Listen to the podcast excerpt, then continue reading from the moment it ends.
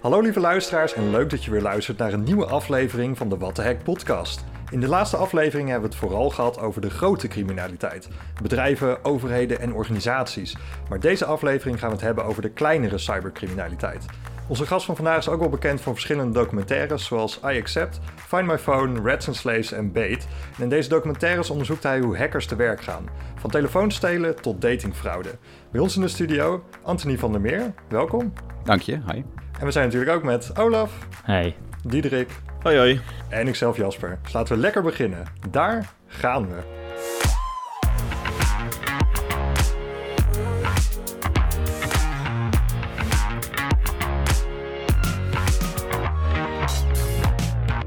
Nou, welkom Anthony. Jouw achtergrond ligt dus vooral bij de film. Hoe ben je eigenlijk in die wereld van de cybersecurity terechtgekomen?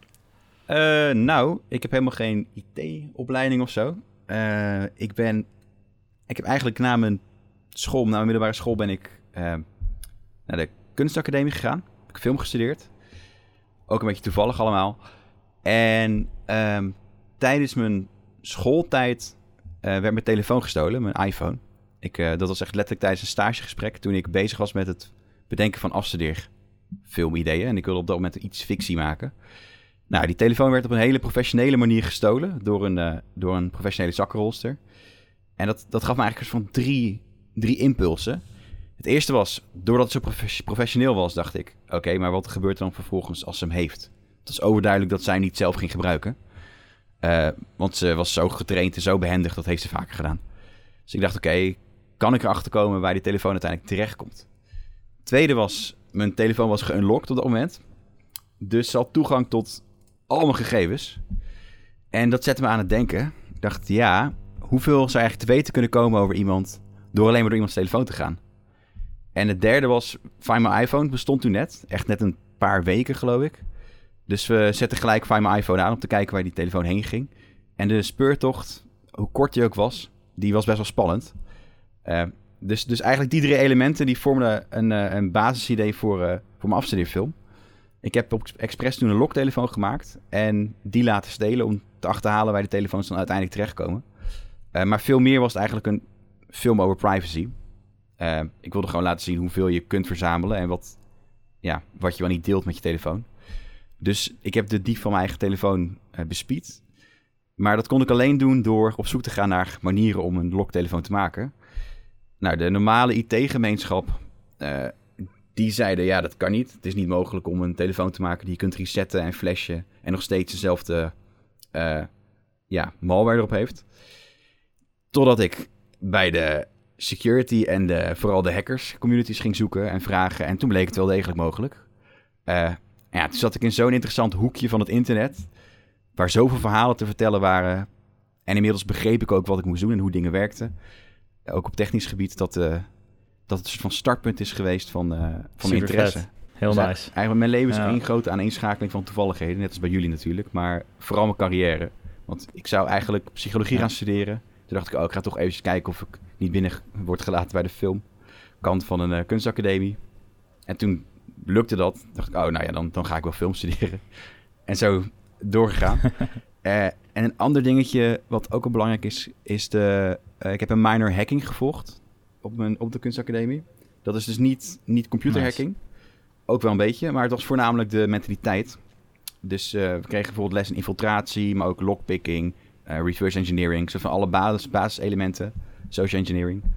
Eh, en dat, dat cool. kon ik doen omdat ik eigenlijk... ik wilde de minor psychologie doen. Maar mijn, de school was te laat met het versturen, want het was een externe minor van mijn aanvraag. En toen bleef er maar heel weinig over. En een van de opleidingen die nog vrij... Een van de minors die nog vrij waren, was hacking. Dus ik werd een soort van noodgedwongen, eh, ben ik dat gaan doen. Totaal geen spijt van. Het was echt super leuk en eh, super nuttig voor mij. Maar Ik zou net zeggen, de beste dingen die jou zijn overkomen is dus dat je school te laat de inschrijving had verstuurd en dat je telefoon is ja, gestolen. ja, precies. Ja, zo ongeveer wel. Ah, dat is een mooie start van je carrière, ik kan niet anders zeggen. ja, ik ben er, eh, ben er wel blij mee inderdaad. Ja, en, en, en toen, hoe is het er nou verder gaan? Want je hebt toen je, eh, op een gegeven moment je afstudeerfilm gemaakt. Want toen wilde je er blijkbaar mee verder, want je hebt meer eh, in het genre gemaakt. Ja, ja dus, dus ik ben eerst... Ik heb die afstudeerfilm gemaakt en toen die liep ook heel anders dan ik dacht. Dat is echt een procesfilm geworden. geworden. Ik was eigenlijk van plan om een film te maken waarbij je alleen maar het materiaal gebruikt dat uit de telefoon komt. Uh, Hmm. Daarvoor moest ik natuurlijk ook heel veel research doen over wat er dan niet alleen technisch, maar ook juridisch haalbaar was. En toen heb ik voor de grap een keer mijn camera gepakt. Toen die voor de eerste keer aanging, toen ik die voor de eerste keer ging gebruiken. Ik dacht, nou, dan heb ik dat als behind the scenes footage. Eh, dus toen heb ik mijn vriendin de camera gegeven. Zegt, zet, zet dat ding aan, film. En dat was de eerste keer dat ik het ging onderzoeken. Eh, en dat is uiteindelijk een soort van de rode draad geweest door heel die film. Dat je mij over mijn schouder kijkt terwijl ik een onderzoek doe. Ja. Eh, en dat, dat ging, die film die ging viral. Dus die werd in een paar weken tijd een paar miljoen keer bekeken. En toen kreeg ik ineens kansen. Eh, maar iedereen die wees naar de stijl, zeg maar, die met me, met me sprak erover, die wees naar die stijl die ik toen had, die toen toevallig ook is geboren. Ehm, nou ja, en dat is denk ik een heel prettig steltje, omdat je het tastbaar kan maken voor mensen die... Je kijkt letterlijk over mijn schouders mee. Ik moet dingen vertalen voor mezelf. Mhm. En dat zeg ik in de camera. Ja. Eh, dus voor mensen die niet heel veel IT-ervaring hebben of een achtergrond hebben in security, eh, is het alsnog te begrijpen, omdat ik het uitleg aan, aan, aan de rest, zeg maar. Omdat ik het zelf ook kan begrijpen uiteindelijk. Eh, nou, toen heb ik Reds and Slaves kwam op het moment dat ik op die hekfora rondstruinde. En die film gaat over ehm, eigenlijk remote access trojans, maar vooral hoe ontzettend makkelijk het is voor iedereen om, om te hacken. En dat je in principe niet eens eh, zelf de moeite hoeft te doen om in te breken op iemands computer. Want je kunt gewoon kant-en-klare gehackte computers kopen. Hm. Tenminste, dat was het verhaal dat die fora rondging en wat ze verkochten. Ja. Toen dacht ik, ja, zou dat echt zo zijn? Zou het echt allemaal zo makkelijk zijn? Want als dat echt zo is, dan is dat echt een probleem. En dan moet er echt veel meer aandacht voor komen. Maar dat is maar één manier om dat te bewijzen. En dat is dus door ja, het te, te doen. Ja. Eh, dus dat is dan die film geworden. En nou, zo gaat het een beetje door. Ja. Nice. Uiteindelijk, uiteindelijk heb ik beet gemaakt. eh, eigenlijk had ik al bedacht rond, eh, rond die periode, net, net na mijn afstuderen. Ehm, toen heette het nog Oplichters Opgelicht of iets dergelijks.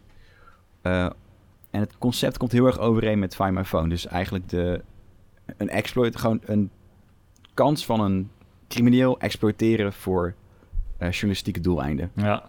En dat is dus vaak om door hun ogen mee te kunnen kijken.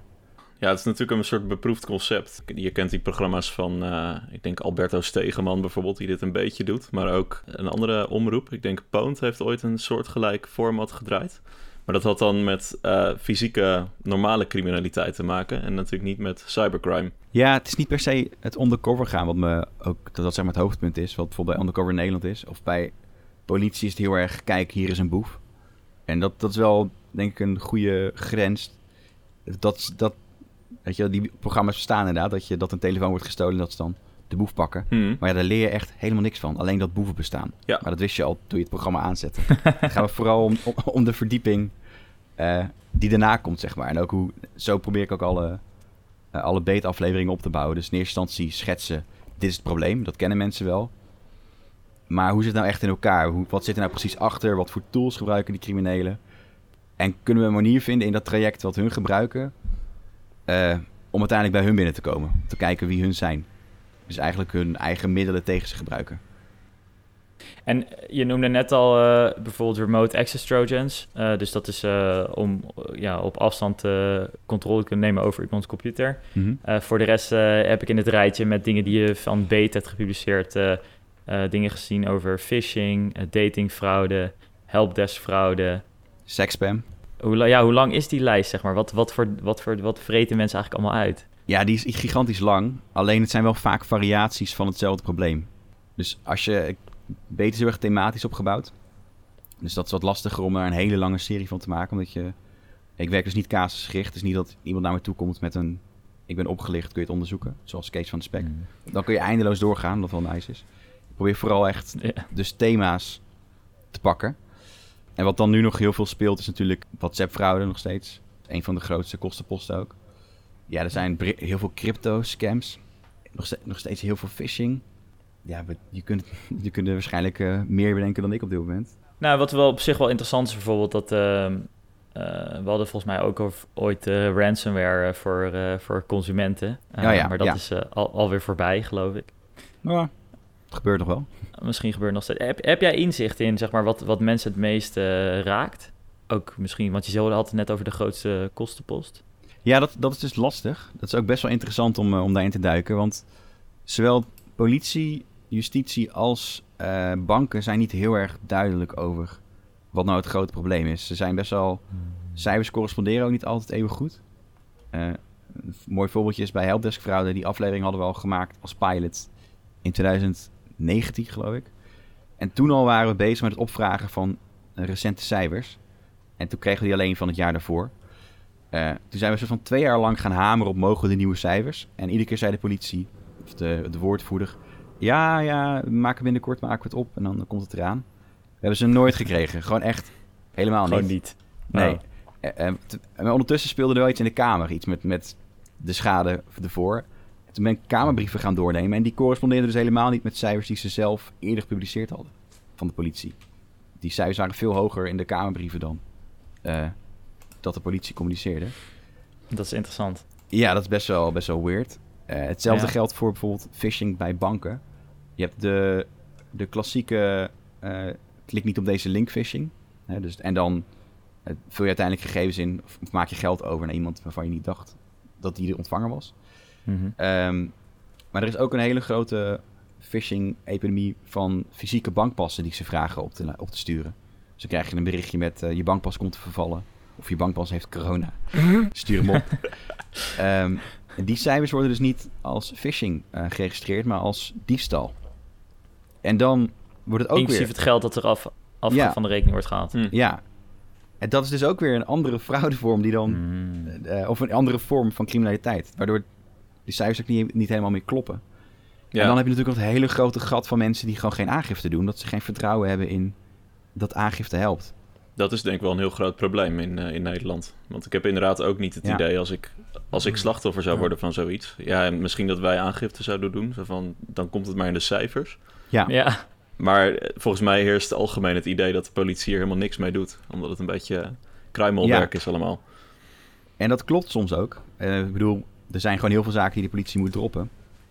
Maar er zijn ook landelijke teams van de politie die dus uh, ook thematisch werken. Dus je hebt ook een, een vindfraude, dus vriend in noodfraude, WhatsApp-fraude.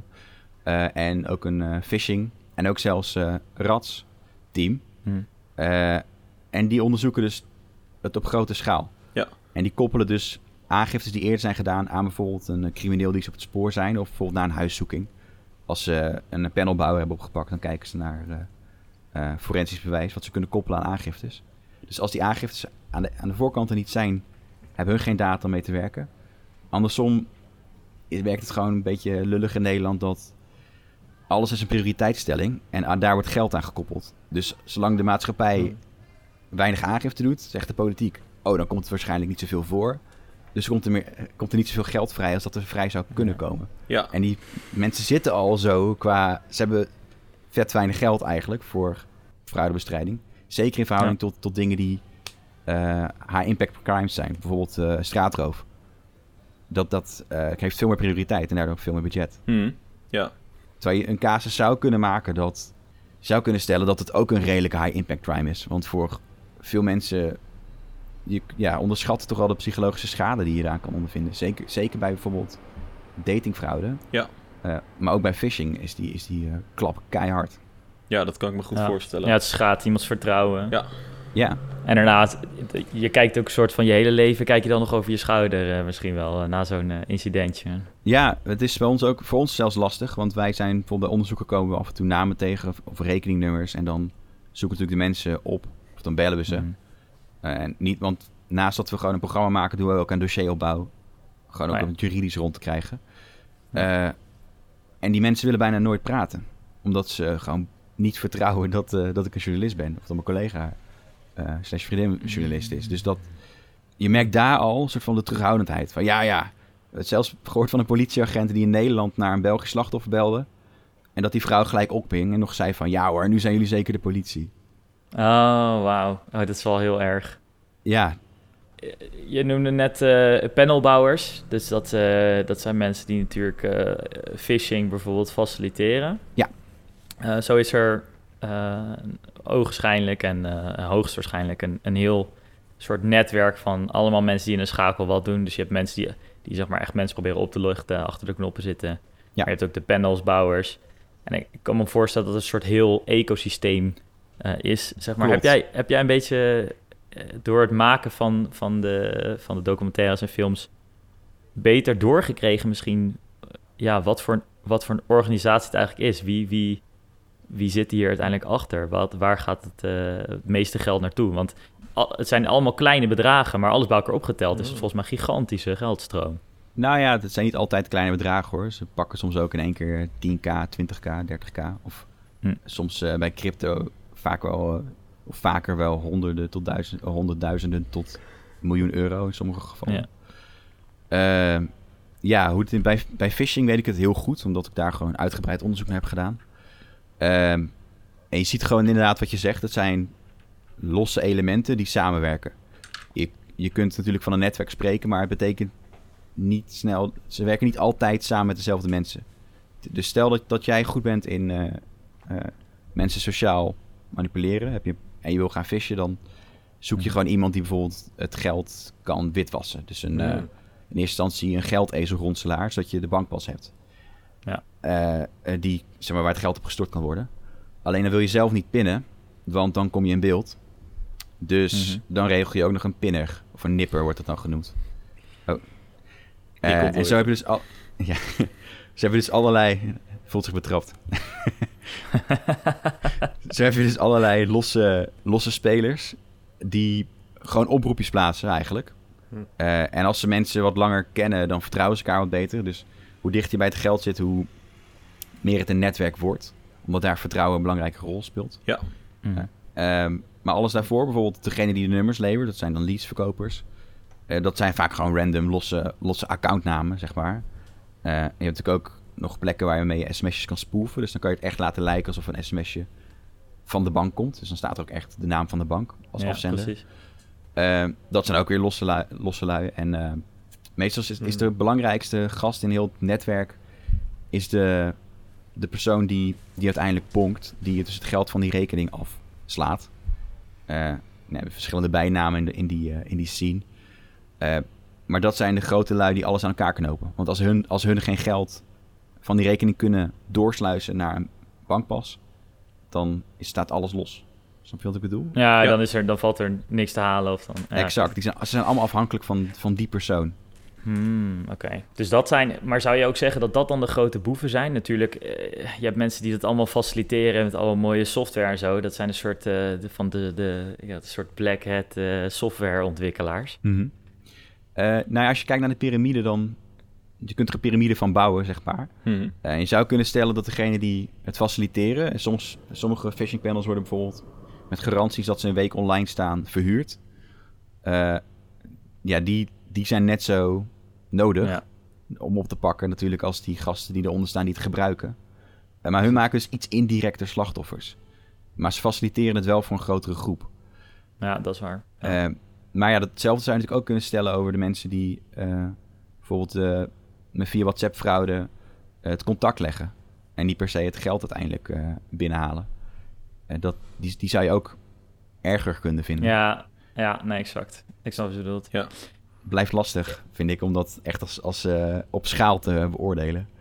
Nou ja, goed. En ze hebben, laatst hebben ze natuurlijk een, uh, volgens mij een Nederlandse gast opgepakt die uh, phishing panels maakte, geloof ik. Ja, ze doen redelijk goed, goed werk.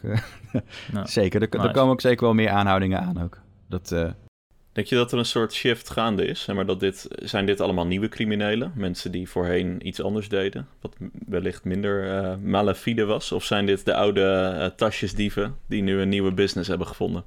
Het is vooral dat, eigenlijk. Je ziet gewoon ook in de ervaring van die lui. ook als ze wel gepakt zijn, kun je natuurlijk gewoon de jurisprudentie deels teruglezen. Maar ook aan de ervaring die ik heb en de, het netwerk van mensen die me dingen vertellen. Uh, ja, dat zijn vaak gewoon bijvoorbeeld de gasten die bankpassen uit een brievenbus vissen. Dus bijvoorbeeld die bankpas-phishing werkt, is je stuurt je bankpas op, maar natuurlijk niet naar het adres van de echte crimineel. Het gaat naar een katvanger.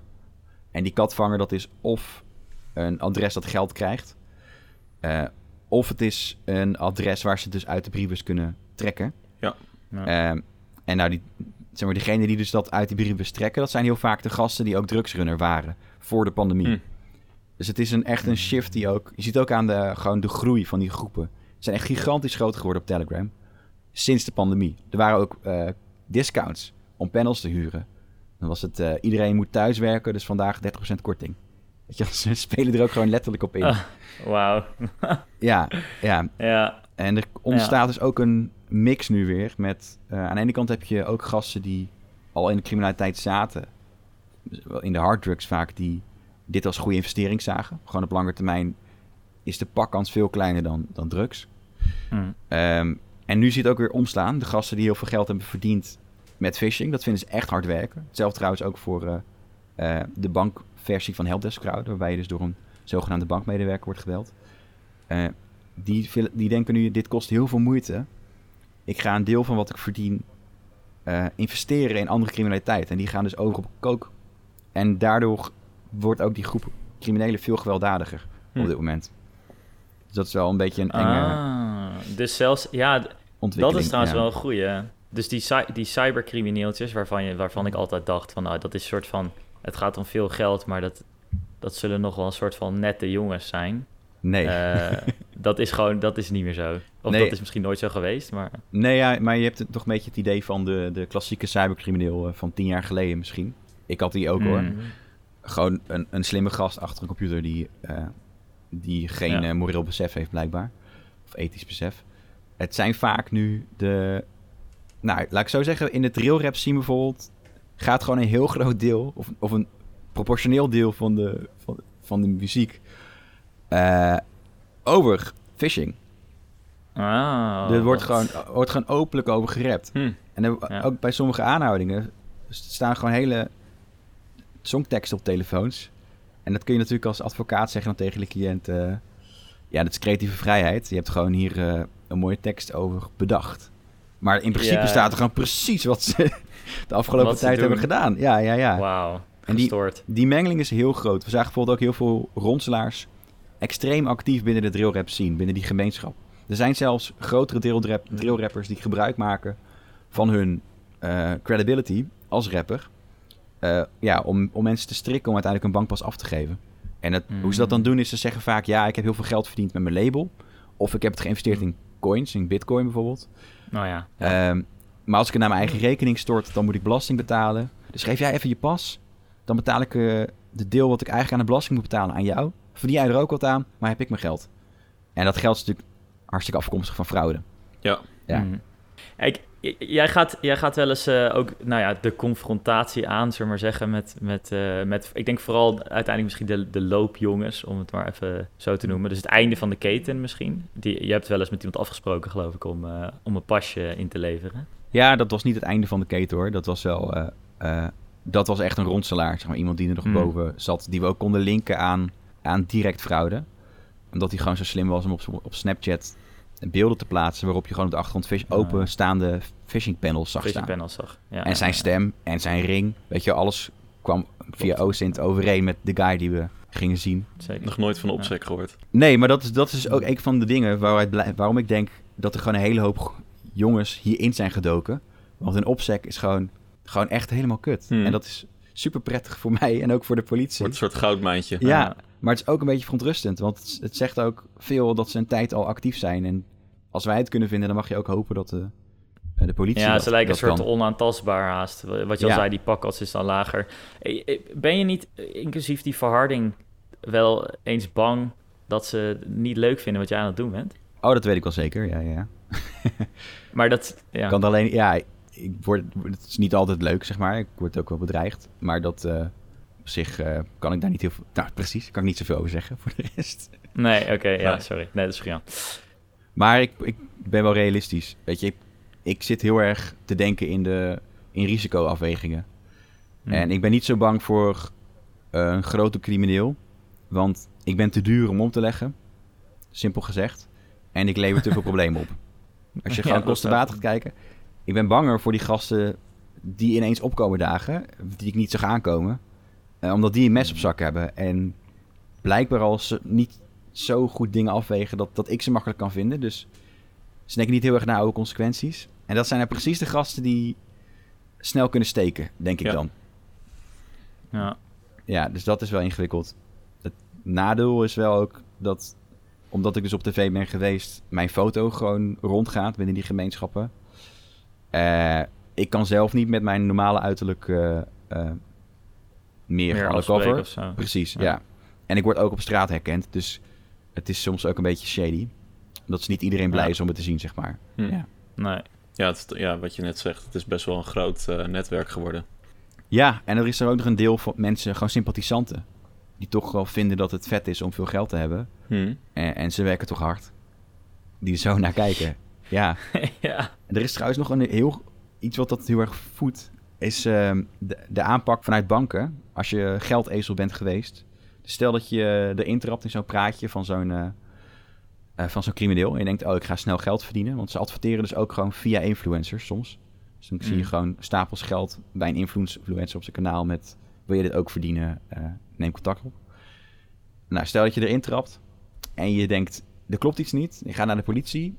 Dan heb je een grote kans dat je wordt weggestuurd bij een aangifte. Ik probeer dat heel erg te veranderen ook binnen de politie. Maar uh, die kans was gewoon in ieder geval heel groot. Omdat ze je als, als onderdeel van het probleem beschouwen. Uh, En banken, de pakkans, bij, de pakkans is gewoon 100%. Gewoon niet eens 99, gewoon 100%, zeggen banken zelf. Omdat ze gewoon direct uh, ze weten gewoon, oké, dit was fraudeloos. Ja, en zodra ze dat dus weten, ook al is het achteraf, dan kun je acht jaar lang geen bankrekening meer openen. Acht jaar. En dat betekent dus, in principe, je mag alleen een basisrekening hebben. Dus dat is een rekening waar je uh, niet op rood op mag staan, maar voor de rest kun je er niks mee. Je, je kunt er alleen uh, bijvoorbeeld een, uh, een huurtoeslag op ontvangen. Ja. maar, maar het salaris en dat soort dingen wordt gewoon heel ingewikkeld. Je, komt, je staat sowieso op een zwarte lijst bij de bank. Dus een hypotheek de komende acht jaar, leningen. Eh, maar ook normale diensten afnemen bij de bank waar je eerst zat, dat kan al helemaal niet meer. Je kunt niet meer terug naar de Rabobank als je bij de Rabobank zat, bijvoorbeeld. Um, dus die mensen die hebben cash geld nodig. En welke groep heeft nou cash geld? Het is precies de groep die hun erin heeft nou geluisterd. Ja. En dat is natuurlijk ook raar. Dus je wordt eerst word je genaaid. En daarna heb je best wel een kans dat je die mensen nodig hebt om gewoon te leven. Te kunnen leven voor je gevoel, ja. ja. En je voelt je al benadeeld. En dat kunnen ze natuurlijk gebruiken om, te voeden. En dat, dat, zou best een verklaring kunnen zijn waarom sommige geldezels vaker dan één keer worden, worden gepakt. Kijk, als je het meer dan één keer hebt gedaan, dan ben je ook echt onderdeel van het probleem. Maar de eerste keer zouden ook de overheid iets en ook banken er iets anders naar moeten kijken, denk ik. Ja, ja hen ook meer als slachtoffer moeten zien misschien. Ja, in ieder geval ook als, als zie je dan als opsporingskans. Ja, precies. Ja. Want als we niet praten, kom je niet bij de, bij de rondslaar uit. En als je de rondslaar niet hebt, kom je niet verder. Huh, het is wel, ja, maar je wil natuurlijk ook niet dat ze, dat ze gaan adverteren met... joh, weet je, uh, is het je eerste keer, dan maakt het sowieso niet uit. Dus kan je even een keer snel 1000 euro verdienen. Nee, Heb nee. Je nou, misschien een beetje gezeik bij de bank, maar ja. Nou ja, hoe, hoe het nu werkt is, je moet sowieso het, het, het uh, fraudebedrag zelf betalen. Dus ook al wordt het via je rekening doorgesluist... dan heb je nooit echt zelf gehad. Degene, de rekeninghouder moet het terugbetalen. En dat is al een flinke straf. Als je uh, tienduizenden euro's moet terugbetalen, zeg maar. Naast zeg maar, dat je, je bank nog uh, geblokkeerd is. Dan heb je ook nog een schuld. Uh, en dat kun je natuurlijk gewoon behouden. En natuurlijk per casus, per geval bekijken, zoals het natuurlijk hoort in de rechtsstaat. In hoeverre dit een slachtoffer of, of een onderdeel van het probleem is. Alleen de, de, de standaardreactie is nu gewoon... Ja, je bent gewoon altijd, altijd de crimineel. Klaar. Tenzij je zelf een advocaat kan betalen die uh, met heel veel moeite je van die zwarte lijst af kan halen of, of uh, die tijd kan inkorten. Maar dat gebeurt eigenlijk zelden. Ja, precies. Hoe, hoe denk jij, hoe zie jij de toekomst? Want uh, ik, ik heb het gevoel dat een aantal jaar geleden, toen kwam er opeens een enorme golf aan, aan deze vorm van criminaliteit. Een paar van die dingen heb je gehighlight in je documentaires. En langzaamaan wordt de consument dan ook wat meer ingelicht. Denk aan uh, rapportages in het NOS-journaal. Uh, wat jij maakt, Radar is daar denk ik ook heel goed in, of Kassa dat soort programma's. Denk jij dat de markt voor deze criminelen nog steeds groeit? Of dat ze het nu steeds moeilijker gaan krijgen, omdat de slachtoffers lastiger te vinden zijn? Nou, je, je kunt kijken naar helpdesk-fraude als, uh, als voorbeeld hoe dat in het buitenland is gegaan. Uh, die zijn gewoon gaan kijken naar taalregio's. En zijn, zijn gaan uitbreiden in andere landen hm. op basis van hoe goed spreken ze Engels. En dat is precies wat er nu gebeurt met phishing. In Nederland is het moeilijker om slachtoffers te maken, ook wat betreft uh, zeg maar helpdesk-fraude, de bankvariant. Uh, dus ze gaan naar België. En dat gebeurt op grote schaal. Een heel groot deel van de cybercriminaliteit in België wordt gepleegd door Nederlandse criminelen. En dat roept dan nog, zorgt ook voor extra problemen. Want juridisch wordt het gelijk ingewikkelder om informatie op te vragen. Uh, Nederlandse politie, die hebben, willen natuurlijk wel hun best doen, maar de kans is wat kleiner dat ze heel veel werk gaan steken in een casus als die in België is. Hmm. Ja, ja. Uh, ja, dus, dus dat, dat verschuift. En ze worden ook creatiever. Ik bedoel dat, dat uh, die helpdesk fraude variant, die is ook relatief nieuw. Omdat ze dachten, oké, phishing werkt niet meer. Wat kunnen we nog meer met de gegevens die we nu hebben? En uiteindelijk zou je kunnen stellen dat het ook gewoon een groot deel nog steeds phishing is. Want je wordt nog steeds... Uh, ja, moet je gegevens opgeven die je niet op wil geven. Moet je inloggen op een malafide pagina. En daardoor hebben ze de controle over je rekening. Het is alleen hoe ze je binnenhengelen verandert. Um, ja, dat zie je dus eigenlijk overal met alle fraudevormen wel, wel gebeuren. Dat ze leren van waar de consument van leert. En vervolgens dat tegen ze gebruikt. En een ander goed voorbeeld is uh, HTTPS. Vroeger was het standaardadvies om uh, een phishing site te herkennen. Kijk naar het slotje in je adresbalk. Als er ja, een slotje staat, is het onveilig. Waardoor mensen het interpreteerden als... Oh, dus als er wel een slotje staat, is het veilig. Nu hebben alle phishingpagina's allemaal HTTPS. Dan gaan ze ook gewoon weer weghalen, geloof ik, dat groene slotje. Om die reden. Ja, hij is uh, in sommige browsers al lang niet meer uh, groen en kleiner in ieder geval. Ja. Met wat, uh... ja, het is lastig. Ja. Kijk, ons kun je dit uitleggen natuurlijk. Maar er, er blijft een bepaald gedeelte van Nederland waarvoor dit heel lastig is. Ja. Je, je neemt shortcuts om het ze maar uit te leggen. Je ziet dus ook hoe dat misgaat. Want het is opnieuw te misbruiken. Ja, exact. Het is ook daarom ook super lastig überhaupt om advies te geven op, in dit werkveld. Omdat alles wat je vandaag zegt, kan morgen worden achterhaald. Ja. ja. En, en, Dat, en zelfs worden geëxploiteerd. Dus gewoon gebruikt. Uh, dus dan is het... En dat doen wij natuurlijk ook. Alleen al bij de criminelen. Dus, dus kijken naar wat, wat verwachten ze. En daar dan vijf stappen overheen gaan. En het dan op die manier tegen zich gebruiken. Het, het gaat toch vaak, denk ik, bij, uh, bij het oplichten van consumenten... Het gaat denk ik veel al gewoon om, om bankrekeningen leeg te halen. Ehm, dus daar, daar ligt er best wel grote verantwoordelijkheid van de bank. Heb je, heb je misschien door de jaren heen gezien dingen die zij hebben gedaan om, uh, om, ja, om toch een paar van die aanvalspaden maar zeggen, af te snijden? Of zou ze nog meer moeten doen? Of, of kan je op een gegeven moment ook niet meer doen? Want ja, mensen moeten ook kunnen bankieren. Dus eh, ja. kan niet... Uh, nou, ik denk dat wij in Nederland sowieso al best wel voorop lopen wat dat betreft. Qua, of voorop, in ieder geval voor, redelijk voor. Uh, wat betreft gewoon standaard twee-factor authenticatie bij alle banken. Als je kijkt naar uh, Amerikaanse banken of zelfs Duitse banken, hebben hmm. vaak niet eens een inlogcode nodig, alleen maar een wachtwoord. Uh, dat doen we wel redelijk. Banken nemen ook iets meer hun verantwoordelijkheid. Nu uh, ook, dat vind ik eigenlijk wel een goede ontwikkeling. Dus doordat ze schade van slachtoffers terugbetalen, voelen ze zelf er meer van. En zijn ze daardoor ook bereid om proactief te op te treden en te zorgen dat het niet lukt. Um, dus dat, op zich is dat, zijn dat goede ontwikkelingen. Um, het blijft wel een beetje jammer dat het af en toe nog steeds een strijd is met de bank. Uh, en dat er ook nog wel bij helpdesk medewerkers gewoon totaal uh, onkunde is. Zeker ook bij de fraudedienst hoor. Ik heb ook wel eens, gewoon terwijl we live in de phishingpagina zaten, heeft de uitzending niet gehaald omdat het te lang was. Hm. Uh, dus we konden gewoon zien wie er werd opgelicht en, en waar het geld in principe vandaan kwam. Hmm. Nou, gebeld naar de, naar de banken om dat te blokkeren. En je merkt een enorm verschil in uh, niveau van de, van de fraudebestrijding per bank. Zeg maar qua de eerste lijns hulp, zeg maar. Die persoon die je zelf belt als slachtoffer. Hmm. Uh, ik hoop dat dat ook wel een beetje uh, ja, verder ontwikkelt. En dat die mensen ook wat meer op de hoogte zijn van de methodes. Ja. want dit, dit wereldje gaat zo snel, weet je. Het is die, die gasten verdienen, verzinnen constant iets nieuws. En eigenlijk moet je ook gewoon constant up-to-date blijven als, als medewerker om te weten... Ja, dit is inderdaad niet goed. Gewoon die... Ja, ja dus wat, dit is een typische methodologie die zij gebruiken. Dus het, dat kan je dan meteen herkennen of zo als, uh, als fraude zijn. Ja, ja. Um, en verder... Ja, het is niet alleen bij de banken trouwens. De criminelen proberen zelf ook wegen te verzinnen om, om banken heen te werken. Uh, bijvoorbeeld door uh, cadeaukaarten of uh, in plaats van een, een, een, transactie over te maken, een transactie klaar te zetten, die, dat een betaling is naar een PayPal-rekening. weet je, zo'n ideal naar PayPal opwaardering. Mm Ja. Uh, hetzelfde met het kopen van cadeaukaarten. Wist je bijvoorbeeld dat je bij de Bijenkorf voor 1 miljoen euro aan cadeaukaarten kan kopen? Tot 1 miljoen euro.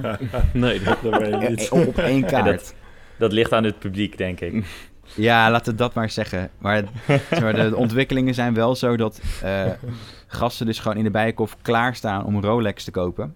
Op dat moment. Uh, Dan naar een ja. pandjeshuis gaan, daar wisselen voor geld. Kost misschien 1000 euro. Maar de pakkans wordt gewoon gigantisch klein daardoor. Ja.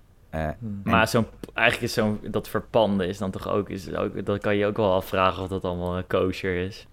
Ja, nou ja, hetzelfde, goed, er gaat hetzelfde geld is voor die cadeaukaarten. Ja. Ik bedoel, ja. 1 miljoen euro, doe even normaal. Wie? wie?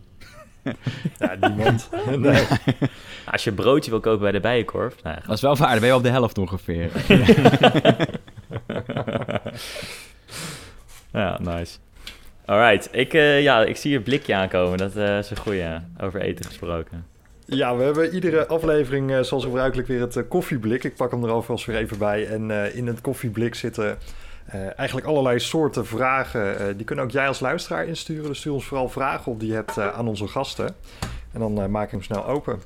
En hier kan dus van alles in zitten. Van, van pijnlijke persoonlijke vragen tot grappige, ludieke vragen. Echt alles. Wij weten het ook niet allemaal.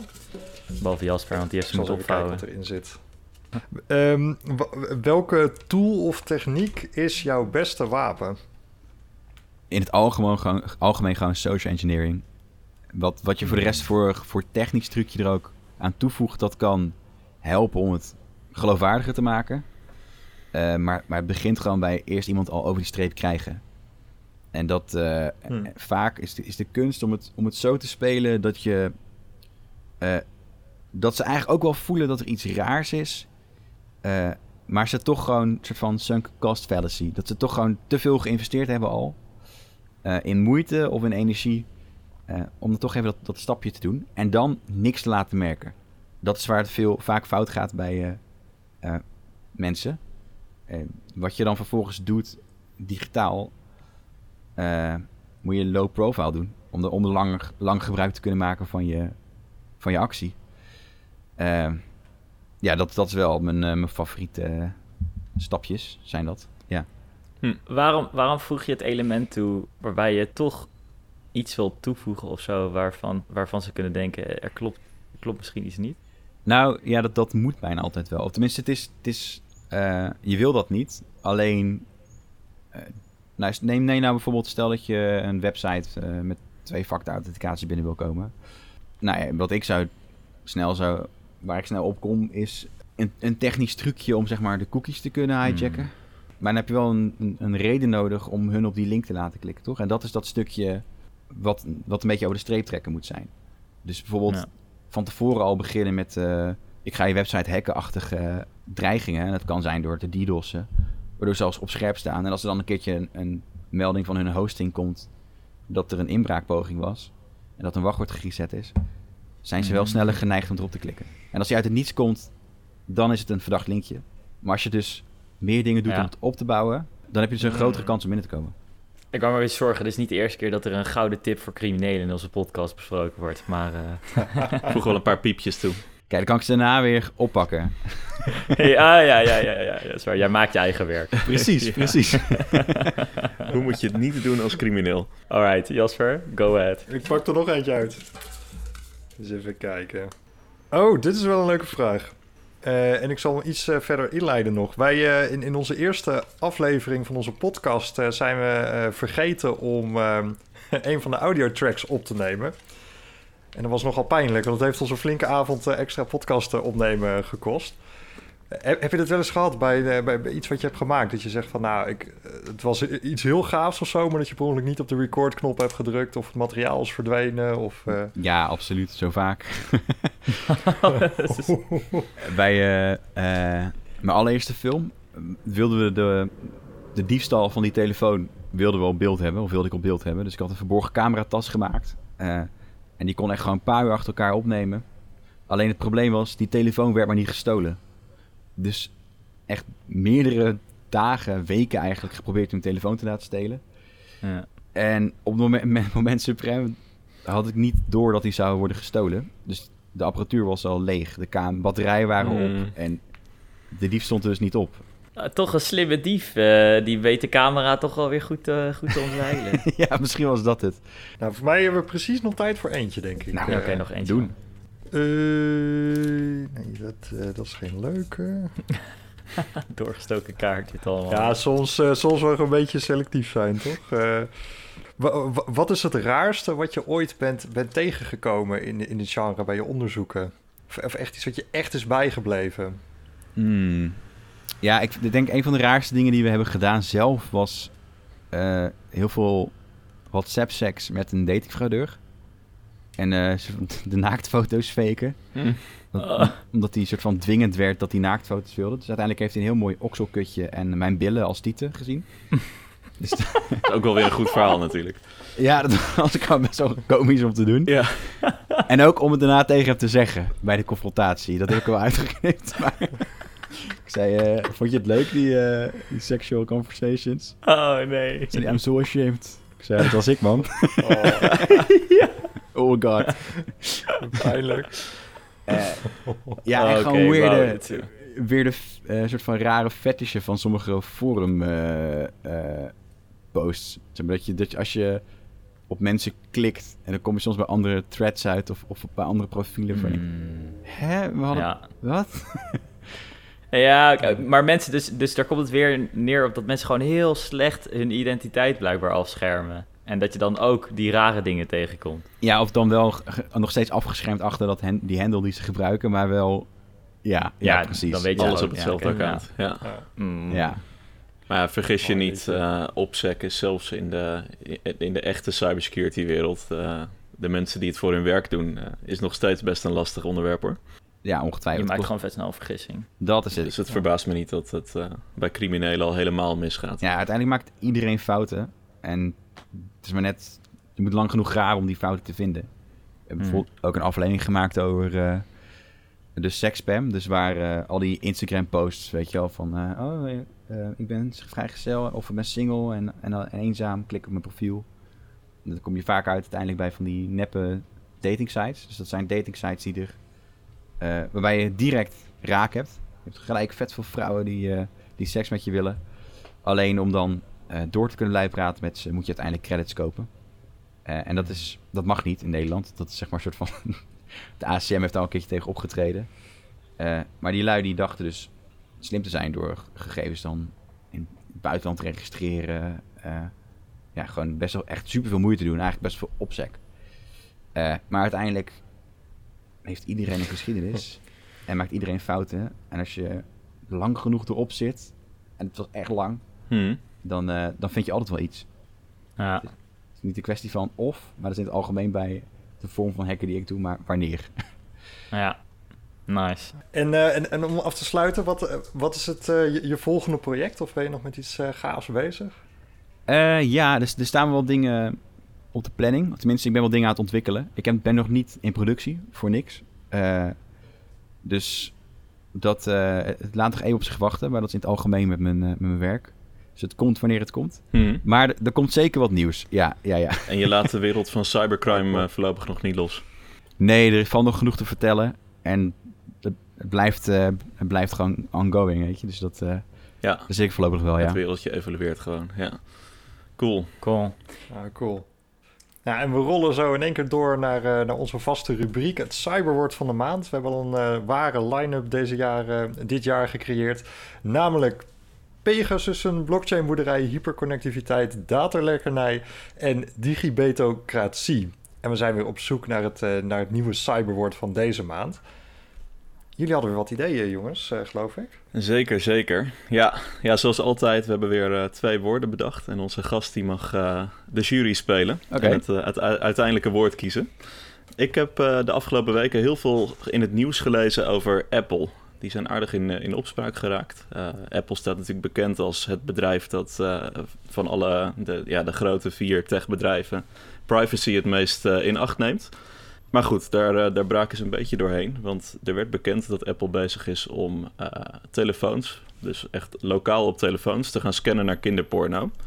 En dat doen ze dan met een, uh, een soort algoritmetje dat op jouw telefoon draait. En die kan een foto vertalen naar een hash. We hebben het wel eens eerder over hashes gehad. Als het goed is, kun je nooit van de hash terug naar de foto. En de andere kant op is dan wel weer heel makkelijk. Ehm, maar wat nu gebeurt, uh, onderzoekers die pakken dat algoritme en die zitten te kijken, kunnen wij foto's vinden die nou ja, allebei compleet verschillend zijn, maar dezelfde hash opleveren. En dat hoort in een normaal hashing systeem niet te kunnen, maar dat kan hier dus blijkbaar wel. Uh, wat best wel grote implicaties heeft, want iemand kan dus zogenaamd kinderporno op jouw telefoon implanteren zonder dat jij het weet. Um, en dat noemen we een, een hash collision. Dus uh, even vrijgenomen vertaling. Hashbotsing wordt dan het, het cyberwoord. Als genomineerd natuurlijk. Ik, uh, natuurlijk. Wat, uh, ik heb ook zitten lezen deze week. En ik ben erachter gekomen dat er een soort van magische grens is. tussen wanneer je iets een hack noemt en een mega-hack. want um, afgelopen maand heeft een hacker 600 miljoen dollar eh, gestolen uit, uit een, een cryptocurrency systeem. En die werd gedoopt tot mega hack. en toen ging ik even zoeken op dat woord. En toen was er blijkbaar vorige maand ook een hack van 70 miljoen dollar. En dat was ook genoeg om het een mega hack te noemen. Maar daaronder ben ik het nog niet tegengekomen. Dus vanaf 70 miljoen dollar noemen we iets een mega hack. Ik ben wel benieuwd wat de vergrotende trap is dan. of die er ook nog een keer komt. Wordt dat dan Monster Hack of iets dergelijks? De Ultra. Ultra Hack. Ultra Hack. Ultra Hack, ja. Je hebt ook zo'n heel systeem bij zwarte gaten volgens mij. Misschien kunnen we dat uh, volgen. Hm. nice. Uh, Anthony, we gaan jou uh, vragen om, om te kiezen. Ja, ik, ik, vind beide wel goed hoor. Ik ben wel trouwens benieuwd, want, want het bleek dus ook dat Apple langer dan, al langer scant in bijlagen van hun e-mail-client, toch? Ja, dat kwam daarna ook weer uit, inderdaad. Dat is ook al uh, niet zo chic. Nee, maar het, het, is, zeg maar het is een probleem als ze een feature aankondigen. Uh, maar achteraf hebben ze dus, waren ze er al lang, hadden ze maar lang in gebruik. Stiekem wel. Ja, dat maakt toch wel... Ja, maakt een tikje erger. Vraag me dan waarom dat niet grote nieuws was. Ja, inderdaad. Ja, ja. dat is een goede vraag. Dat is een goede vraag. Uh, ja, ik vind die gouden grens wel, wel goed. Hebben we allemaal iets naar uit te kijken. naar het zeg maar, wat je wil voorkomen of, of uiteindelijk wil opbouwen. Ja, je, als je ooit gewoon echt heel veel geld hebt verdiend en het is 70 miljoen, kun je zeggen, ja, ik had het ook in één keer kunnen verdienen met een, met een mega-hack. dus ik denk uh, toch, toch mega-hack in dat geval. Mega-hack. Hartstikke mooi. Mega-hack, woord van deze maand. Ja, omdat hij lekker niet, uh, niet technisch klinkt ook. Vind ik, ja. ook wel leuk. Ja, cool. En we zijn ook weer gelijk bij de, bij de tweede vaste rubriek aangekomen. We willen altijd eh, de luisteraar in onze podcast een leuke tip meegeven. Uh, en nou is het natuurlijk een, uh, nou ja, 1 en 1 is 2. Jij maakt hele leuke documentaires. Dat kunnen we natuurlijk als tip meegeven. Maar we dachten, nou, we gaan het niet zo makkelijk maken natuurlijk. Dus wilde je eigenlijk de vraag stellen, wat, wat is nou de, het stukje film of de aflevering... of iets wat je hebt gemaakt waar je nou het meest trots op bent, wat je aan onze luisteraars zou willen aanraden om eens, uh, om eens te kijken? Oeh, dat is wel een moeilijke vraag, man. Dat... Deze podcast. wat heb ik ook weer allemaal gedaan? Misschien, misschien dan waarvan je zegt, um, als mensen die kijken, daar zijn ze op dit moment het meest mee geholpen om uh, vervolgens met minder kans, zullen maar zeggen, opgelicht te worden. Dus de beste, het beste hulpmiddel dan maar ik zou gewoon sowieso Reds and Slaves aanbevelen. Uh, als je al een beetje geïnteresseerd bent in security. Omdat je een soort van de lat ziet. voor je ogen mhm. lager ziet worden gelegd. Mm. Qua hoe, hoe, makkelijk het kan zijn voor criminelen. Mm. Um, en de aflevering over phishing vind ik is gewoon een van mijn favoriete afleveringen. Omdat het we gaan redelijk diep. Uh, maar het is toch best wel makkelijk te begrijpen voor iedereen en spannend genoeg. Maar het onderzoek waar ik meest trots op ben, is denk ik toch de, wel de seksspam uh, als onderzoek. Omdat het gewoon gigantisch veel werk was en we hebben daar niks. Soms doe ik een beetje dingen die een beetje mm, ja, op het randje zijn van wat mag. Mm. Uh, met goede bedoelingen natuurlijk. Uh, en daar wisten we van tevoren, dit, hierbij kunnen we aangeklaagd worden. Achteraf kwam er ook bijna een kort geding, omdat de andere partij vond dat de uitzending niet op tv mocht komen. Mm. maar, maar dat is nooit, er nooit van gekomen, omdat we ook gewoon zeker wisten, we hebben ons volledig aan de regels gehouden. En toch uh, een grote partij boos gemaakt. Dus dat, uh, ja. Cool. En dan, dan voelt het misschien ook goed. Maar ja, maar ja, ja. nice. Oké, okay, mm. cool. Cool. Ja, Alright. Een hoop te kijken voor iedereen. Dat is, uh, dat is mooi. ja, eigenlijk moet je gewoon alles kijken. Ik wil niet arrogant uh, klinken, maar eigenlijk moet je wel zijn. Nee, Uh, nee, hartstikke leuk. Nee, je kunt uh, de linkjes uh, vinden in de beschrijving van de podcast. en daarmee zijn we ook wel aan het einde gekomen, helaas alweer, van deze, deze episode. Je ziet ons over ongeveer drie of vier weekjes weer terug met het volgende onderwerp. En de teaser, die houden jullie nog van ons te goed. Vergeet ons vooral niet te volgen op, op Spotify, op Twitter, op onze Instagram, @wattehek, of stuur ons een e-mailtje op hallo@wattehekpodcast.nl. En we blijven ook af en toe wat updates geven over social media, dus houd ze lekker in de gaten. En dan zien we jullie over drie of vier weken weer terug. Ontzettend bedankt, Anthony. Nee, jullie bedankt. Ik heb echt het gevoel dat ik een hele monoloog heb staan geven. Nee, het valt, valt wel mee volgens mij, maar ja. En het vond het heel leuk in ieder geval. Wij waren gewoon super nieuwsgierig, mooi. Gelukkig. Nice. Ja. Leuk te horen. Dit waren Anthony. Doei. Olaf. Yo. Diederik. Joejoe. En ikzelf Jasper. Doei!